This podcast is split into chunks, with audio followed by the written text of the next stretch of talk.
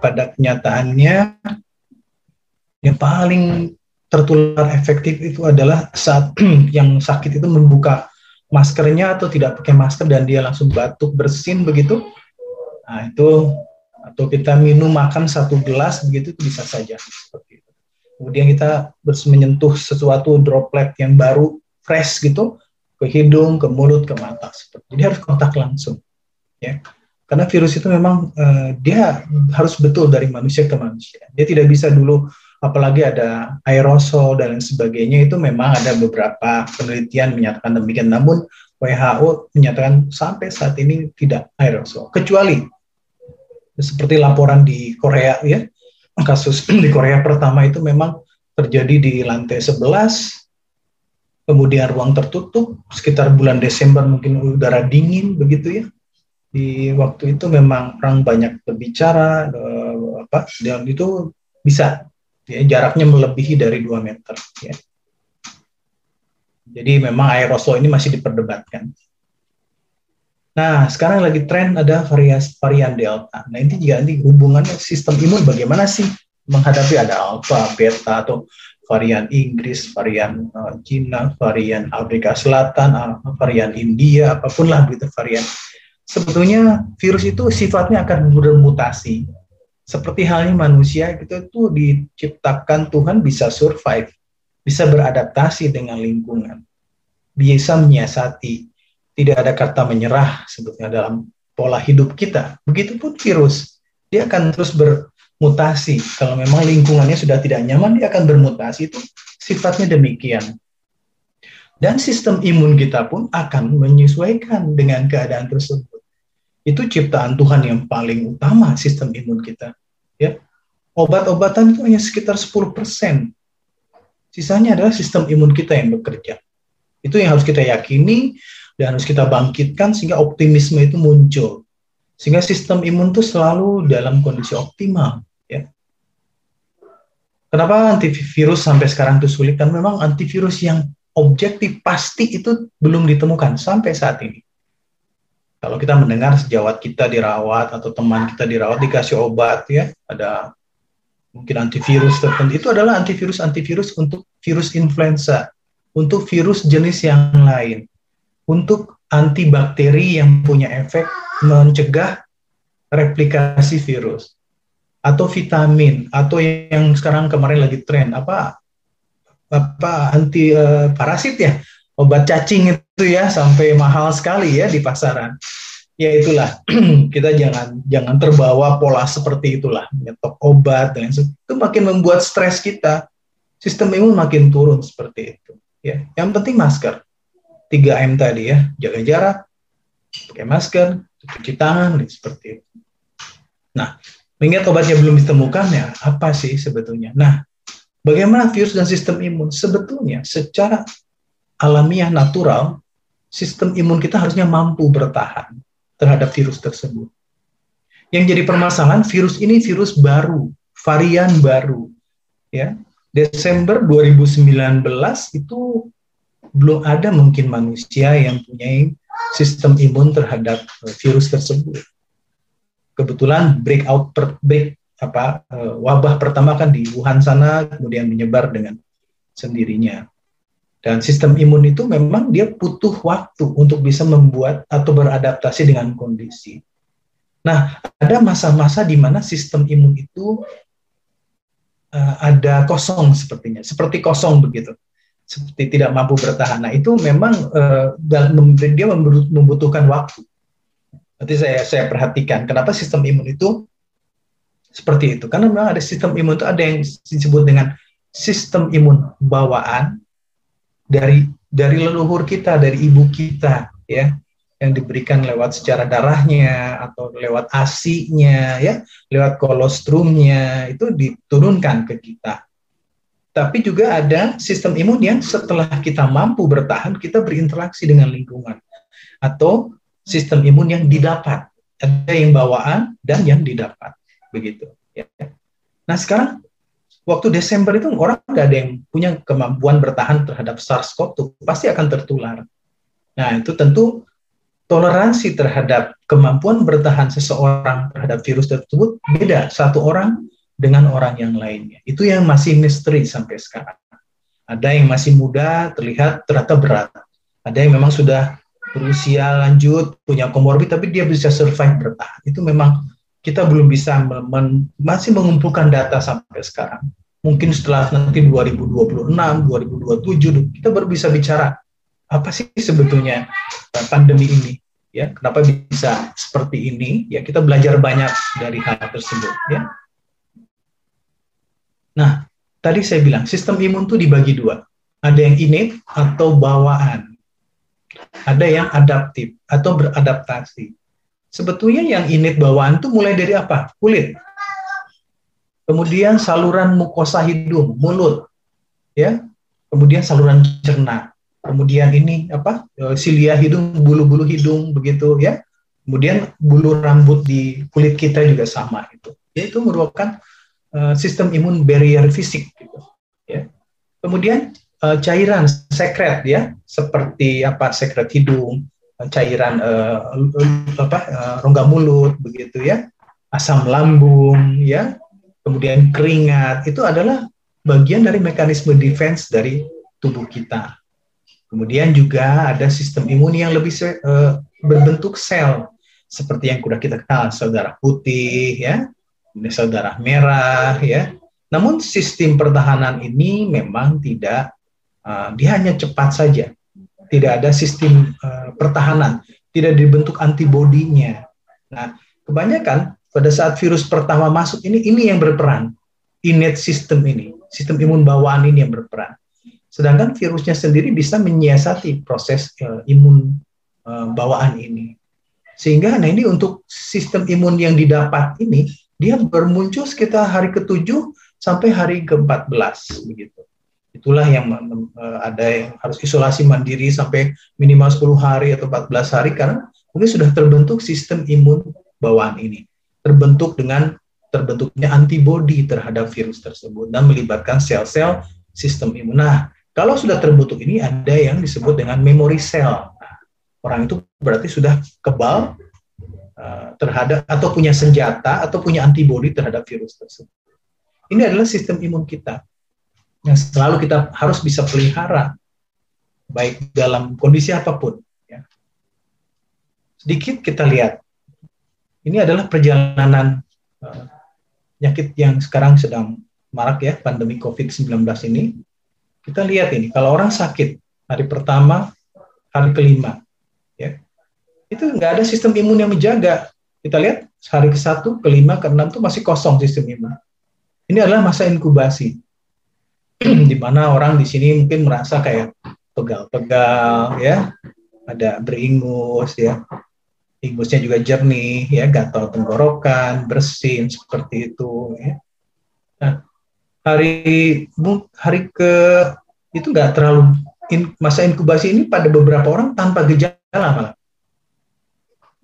Ada masuk fase setelah lima hari. Nah, mulai bergejala tadi, ya demam. Nah, mulai demam. Nah, pada saat demam itu mulai sistem imun aktif dia. Nah, yang jadi permasalahan adalah pada fase masa inkubasi ini berapa jenis virus yang masuk ke tubuh kita. Itu yang jadi pertanyaan. Kenapa? Kalau dalam jumlah banyak kita akan kewalahan memang sistem imun ini ya untuk bisa menekan bakteri tersebut. Ya. Kalau kita sistem imun terus gagal, kita akan terus virus ini jumlah virus tambah hari tambah banyak. Tapi ingat, lihat, virus itu di hari ke-14 memang jumlahnya akan turun. Ya. Makanya ada yang berpendapat bahwa sebetulnya sifat virus virus itu adalah memang akan Uh, self-limiting disease atau sembuh dengan sendirinya. Dalam artian dia akan replikasinya akan turun. Namun yang jadi permasalahan efek dari virus ini akan terus berlanjut. Nah, setelah virus tidak ada itu bisa terjadi disebut dengan uh, gejala uh, post viral atau gejala setelah virus. Nah, itu yang berkepanjangan. Ada orang sakit sampai berminggu-minggu ya, berhari-hari, lebih dari 14 hari, 28 hari ini yang terjadi. Nah, ini adalah proses di mana sistem imun tadi belum bisa mencapai atau belum bisa meregulasi atau menekan atau mengatur akibat virus yang ada tadi. Ini fase-fase tadi biar kita paham oh ada fase sistem imun yang sempat kosong dulu, kemudian sistem imun mulai aktif, kemudian nanti bisa menekan dan virus harusnya sudah turun dengan sendirinya. Dan bila sistem imun dan virus sudah turun, nah gejala post virus ini juga harus ditangani. Namun dalam selama saya berpraktek sebagai dokter THT ini adalah gejala yang wajar dan sering kita temukan pada infeksi di hidung dan tenggorokan. Jadi untuk saat ini kita tidak bisa membedakan ini penyebabnya antara bakteri, virus COVID, non-COVID, atau apa. Saya selalu perlakukan semua pasien, saya periksa. Di masa pandemi ini saya biasanya sarankan untuk dilakukan swab PCR. Setelah saya evaluasi ya, eh, biasanya saya sudah pola melihat, eh, melihat sudah jelas, oh ini kayaknya lebih ke COVID eh, bukan bakteri ya apa apa pileknya atau batuk apa radang tenggorokannya itu biasanya rata-rata yang saya sarankan swab ya hampir 80% tuh positif hasilnya ya. ya cukup banyak sekarang. Nah ini klasifikasi yang memang diinikan oleh Kementerian Kesehatan dan juga kita lihat ya. Nah penting bagaimana sih?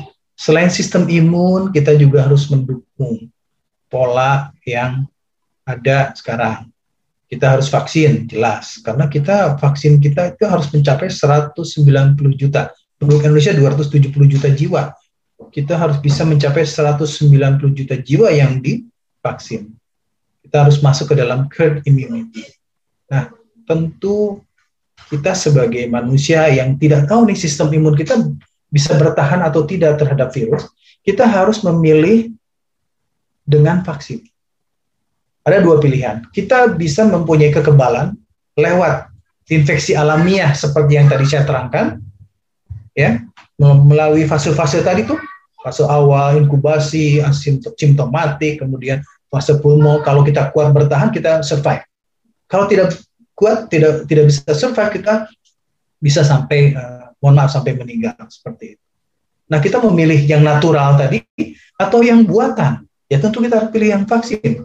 Jadi kalau ada orang yang masih tidak percaya vaksin, sebetulnya perlu banyak literasi membaca kembali apa sih pola-pola pendekatan.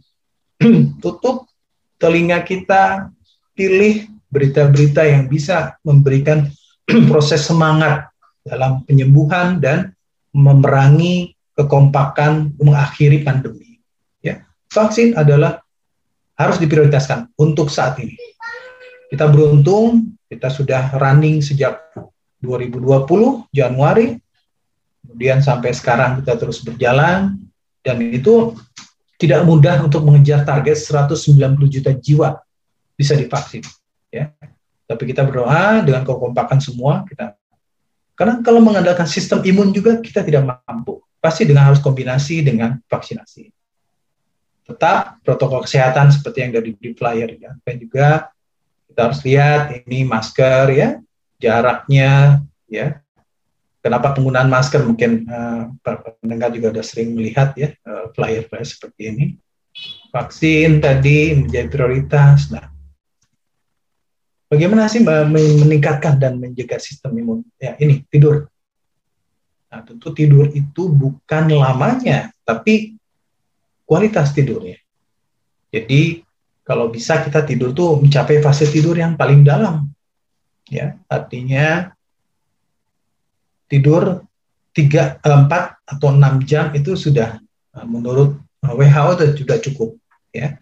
Keteraturan tidur itu yang paling penting. Tentu tidur itu bukan tertidur, tapi memang tidur tentu kita berdoa, kemudian tidur. Itu biasanya kita bisa mencapai fase tidur terdalam dan bangun itu dalam kondisi tegar. Nah, tidur ini sendiri ternyata menyebabkan pergantian sel-sel imun.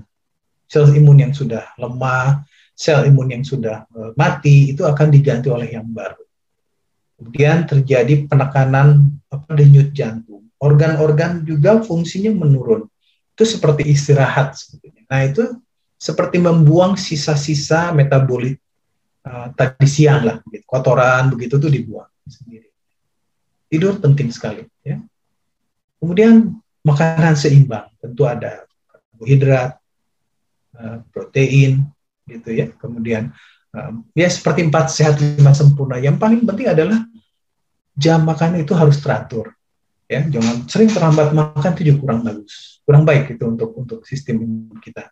Jadi teraturlah kalau biasa makan pagi, makan siang, makan malam, sekitar jam 7, jam 8, setengah 8 udah selesai, udah itu keteraturan makan. Silakan menu apa pun yang dimakan silakan ya. Tapi yang paling penting itu adalah teratur uh, makan. Pada saat pandemi seperti ini penting sekali. Ya.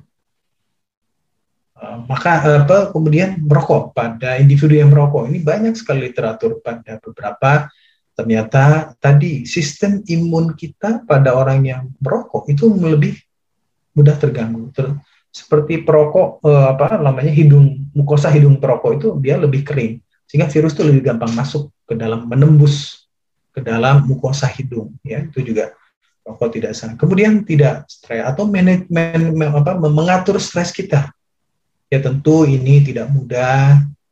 Namun kita harus sadari bahwa stres bisa menyebabkan sistem imun turun. Nah, kalau kalau stres-stres kita bisa diatur oleh kita, itu juga mengguna, berguna untuk uh, meningkatkan sistem imun. Jadi stres itu harus diatur dengan baik. Jadi mulai kita selektif membaca berita, ya, itu yang berita-berita bohong atau hoax seperti itu kita jangan sebarkan. Hanya masalah kebiasaan kita dengan satu jempol saja sudah menyebar demikian hebat dan itu bisa mempengaruhi uh, daya persepsi kita jadi di masa pandemi ini udah kita dengarkan apa himbauan pemerintah harus seperti apa, patuhi saja seperti itu, itu pasti untuk kepentingan kita. Kita lebih fokus untuk menjaga sistem imun kita, kita lebih fokus dalam uh, mengatur mengatur suasana hati kita. Jadi jadi tidak terpengaruh uh, oleh hal-hal yang bisa uh, apa, mengganggu. Karena sekali stres terjadi, tidak terkontrol, organ lain terganggu. Kemudian olahraga, ini saya kira olahraga penting. Sekali lagi, bukan jenisnya, tapi keteraturan olahraga itu. Maka bisa seminggu dua kali ya, atau belum ada waktu ya seminggu sekali begitu. Kalau bisa tiap hari akan lebih baik, sekitar 15 menit itu cukup. Olahraga silakan. Namun kalau olahraga harus dilihat, tidak boleh juga berlebihan. Nah, kadang orang-orang berlebihan itu perlu waktu. Jadi tidak bisa nih orang kita tadinya jarang olahraga langsung olahraga berlebihan itu kurang bagus secara secara fisik ya, malah kita jadinya tambah sakit sebetulnya. Seperti itu ya. Jadi olahraga itu seperti pisau bermata dua kadang-kadang juga bisa membantu sistem imun. Malah tapi juga mendrop seperti contohnya gini saya ingin olahraga sehat nih saya nge-gym wah dengan ikut program latihan yang cukup hebat gitu. Dan betul badan kita bagus atletik lah begitu ya. Tapi sistem imun turun jadi sakit kita itu juga kurang bagus, bagus seperti itu. Ya. Jadi olahraga yang baik adalah yang tentu yang disesuaikan dengan kemampuan kita. Ya, yang bisa melihat dan itu adalah uh, diri kita sendiri. Ya, kalau kita memang perlu physical trainer sendiri bisa konsultasi, tapi tentu lebih baik uh, apa namanya bisa melihat membaca buku-buku tentang uh, kesehatan olahraga begitu itu akan lebih melihat. Karena kita bukan atlet itu penting ya. Jadi selama pandemi pun kita harus olahraga sebetulnya. Silahkan. Dipilih olahraga apa pun seperti jalan atau uh, jogging ringan, bersepeda ringan silahkan. Atau di rumah ya dengan treadmill dan lain-lain bisa. Kemudian alkohol. Tentu tidak boleh minum alkohol. Ini sudah terbukti. Di beberapa literatur ternyata pada penggunaan alkohol yang intoksikasi seringnya orang kan kelebihan alkohol. Karena alkohol pada beberapa uh, tertentu di bidang medis digunakan. Namun pada penggunaan uh, keseharian tuh memang ada uh, level alkoholnya tinggi. Tentu ini uh, mengganggu sistem imun di saluran pencernaan kita tuh akan tidak ada perlindungnya. Karena saya bilang di bahwa di saluran usus tuh ada pelindung sistem imun yang melindungi biar virus bakteri itu tidak masuk. Pada penderita pada individu yang suka minum alkohol itu biasanya itu lebih tipis sehingga pada beberapa yang penderita SARS-CoV-2 itu juga bisa virus masuk ke saluran pencernaan dan menyebabkan diare seperti itu. Ini alkohol dengan sendirinya ya. Atau diare itu sendiri juga pada laporan di Eropa itu memang dilihat pada orang yang peminum alkohol dan tidak itu memang lebih banyak minum alkoholnya. Gitu. Kemudian berikutnya adalah bagaimana nih sistem imun harus selalu dijaga tadi. Ya. Selain tidur yang cukup, diet yang uh, cukup, kemudian tidak merokok, bisa memaintain atau tidak stres berlebihan, olahraga teratur, tidak alkohol dan juga olah ini adalah berpuasa. Saya kira berpuasa ini penting karena dengan berpuasa itu sudah dibuktikan sama ternyata seperti tidur. Berpuasa juga sama, sistem imun bawaan, sistem imun adaptif kita ya yang yang didapat itu ternyata dengan berpuasa ini kita akan merasakan sendiri saat kita berpuasa itu badan tuh terasa tidak nyaman, tapi itu sebetulnya proses seperti pembuangan apa detoksikasi lah begitu. Dibuang uh, sesuatu uh, yang zat-zat yang tidak berguna, kemudian yang tertimbun di tubuh, kemudian juga sel-sel tubuh kembali muda. Nah, itu dengan berpuasa. Silakan. Uh, itu uh, ada mau mengatur berpuasa dari dari pagi atau dari dari dari subuh sampai maghrib begitu. Ada juga yang berpuasa untuk eh, mencoba untuk uh, fase tiga hari apa uh, dua jam atau apa enam jam fase seperti itu silahkan. Tapi intinya yang bermakna adalah memang yang harus 18 jam seperti itu. Itu banyak di, di beberapa penelitian menyatakan uh, justru pada saat kita kalau tidak makan nih mulai jam 5 pagi tidak makan begitu justru pembuangan racun itu mulai dari jam 2 siang. Nah, kita terasa tuh jam 2 siang tuh badan tuh kayak panas gitu. Agak anget tuh gitu. Itu memang membuang sesuatu itu. Nah, setelah itu itu berguna untuk juga untuk sistem imun kita. Kemudian ada ini apalagi yang berguna meningkatkan probiotik ya. Apa ya? Probiotik tuh kayak uh, apa namanya? Ya uh, yogurt seperti itu ya. Itu juga bisa Kemudian beberapa mikronutrien ya vitamin C, vitamin uh, apa lagi E ya, selenium, zinc. Nah, ini lagi banyak sekali dan kita kesulitan nih uh, kalau kita cari obat yang mengandung uh, apa zinc di apotek sekarang susah sekali. Aduh, ya.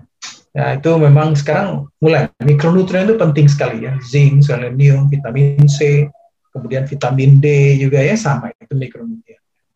Khusus vitamin D sebetulnya kita bisa dapatkan dengan kita berjemur. Ya. Sebetulnya yang kita butuhkan adalah uh, ultraviolet B. Ultraviolet B itu tertinggi itu antara kadarnya itu antara jam 10 sampai jam 1 atau jam 2 siang gitu. Justru di situ adalah ultraviolet B yang kadarnya tinggi. Wah ini memang kontroversi nih. Ada yang berpendapat, wah nanti kanker kulit dong, dan lain sebagainya. Namun dari telaah literatur yang saya lakukan, memang ultraviolet uh, uh, B itu sebetulnya yang terbagus adalah saat kita berdiri itu tidak ada bayangan. Nah itu di situ adalah uh, ultraviolet B tertinggi. Maka tapi hati-hati, kita paling hanya 10-15 menit. Itu pun jangan diam, artinya bisa sambil bergerak begitu ya. Terasa hangat ke situ udah cukup tuh berapa itu itu di sekitar ada di, dibilang itu bisa 3000 internasional unit vitamin D3 yang kita dapat. Jadi vitamin D itu bisa dari sinar matahari seperti tadi yang saya bilang, bisa juga dari suplemen. Ya, kita beli preparat vitamin D gitu ya, banyaknya di, di online atau di apotek bisa atau dari makanan. Cuma dari makanan tuh berat sekali ya. Biasanya nggak nggak bisa mengejar kadar vitamin D yang optimal. Jadi biasanya kita menggunakan uh, berjemur tadi, memanfaatkan ya sinar matahari dan juga dengan suplemen, itu ya, itu vitamin D. Uh, ini vitamin D banyak di, dikatakan uh, berguna untuk sistem imun. Kemudian vitamin C juga demikian, ya. Makanya di, di panduan pengobatan untuk COVID itu ada cantumannya vitamin C, vitamin C, vitamin D, kemudian ada zinc juga dimasukkan seperti itu sebagian bantuan-bantuan uh, selain multivitamin lain ya. Tapi intinya adalah ini untuk tadi meningkatkan sistem imun ya. Jadi sistem imun dia yang bisa melawan uh, virus nantinya. Begitu. Ini adalah yang dilakukan pada saat pasien-pasien apakah derajat yang ringan, sedang, berat sampai sangat berat yang dirawat di, di rumah sakit pasti akan diberikan uh, suplemen-suplemen seperti ini itu saya kira sehingga uh, kesimpulan saya adalah untuk mencapai kita mungkin sampai lima tahun ke depan kita masih menghadapi pandemi ini karena nanti mungkin selama uh, ke depan mungkin kasus makin hari makin sedikit, saya berharap begitu. Tapi tetap kita dengan hidup dengan tatanan baru, tidak ada kata sem apa uh, pesimis atau patah semangat begitu. Kemudian vaksinasi harus jadi prioritas. Bagi yang belum vaksin silakan tuntaskan. Ya, kemudian tetap waspada dengan 3M atau 6M ya. Bila punya komorbid silakan dikontrol. Prinsip tidak tertular dan tidak menularkan. Itu tanggung jawab kita uh, terhadap uh, masa pandemi ini. Kemudian kita harus juga punya tanggung jawab pada anak-anak, orang lansia, ya, orang-orang dengan populasi komorbid, dia ibu hamil, ibu menyusui, atau yang punya cancer itu harus kita lindungi juga sebagai tanggung jawab kita uh, sebagai anak bangsa terhadap pandemi ini. Tetap tadi pertahankan sistem imun, tingkatkan sistem imun dan selalu berdoa. Jika kita optimis uh, dengan bantuan Tuhan juga dan kita usaha kita kita bisa melewati masa-masa. Baik, terima kasih uh, untuk perhatian. Mohon maaf bila uh, ada kesalahan.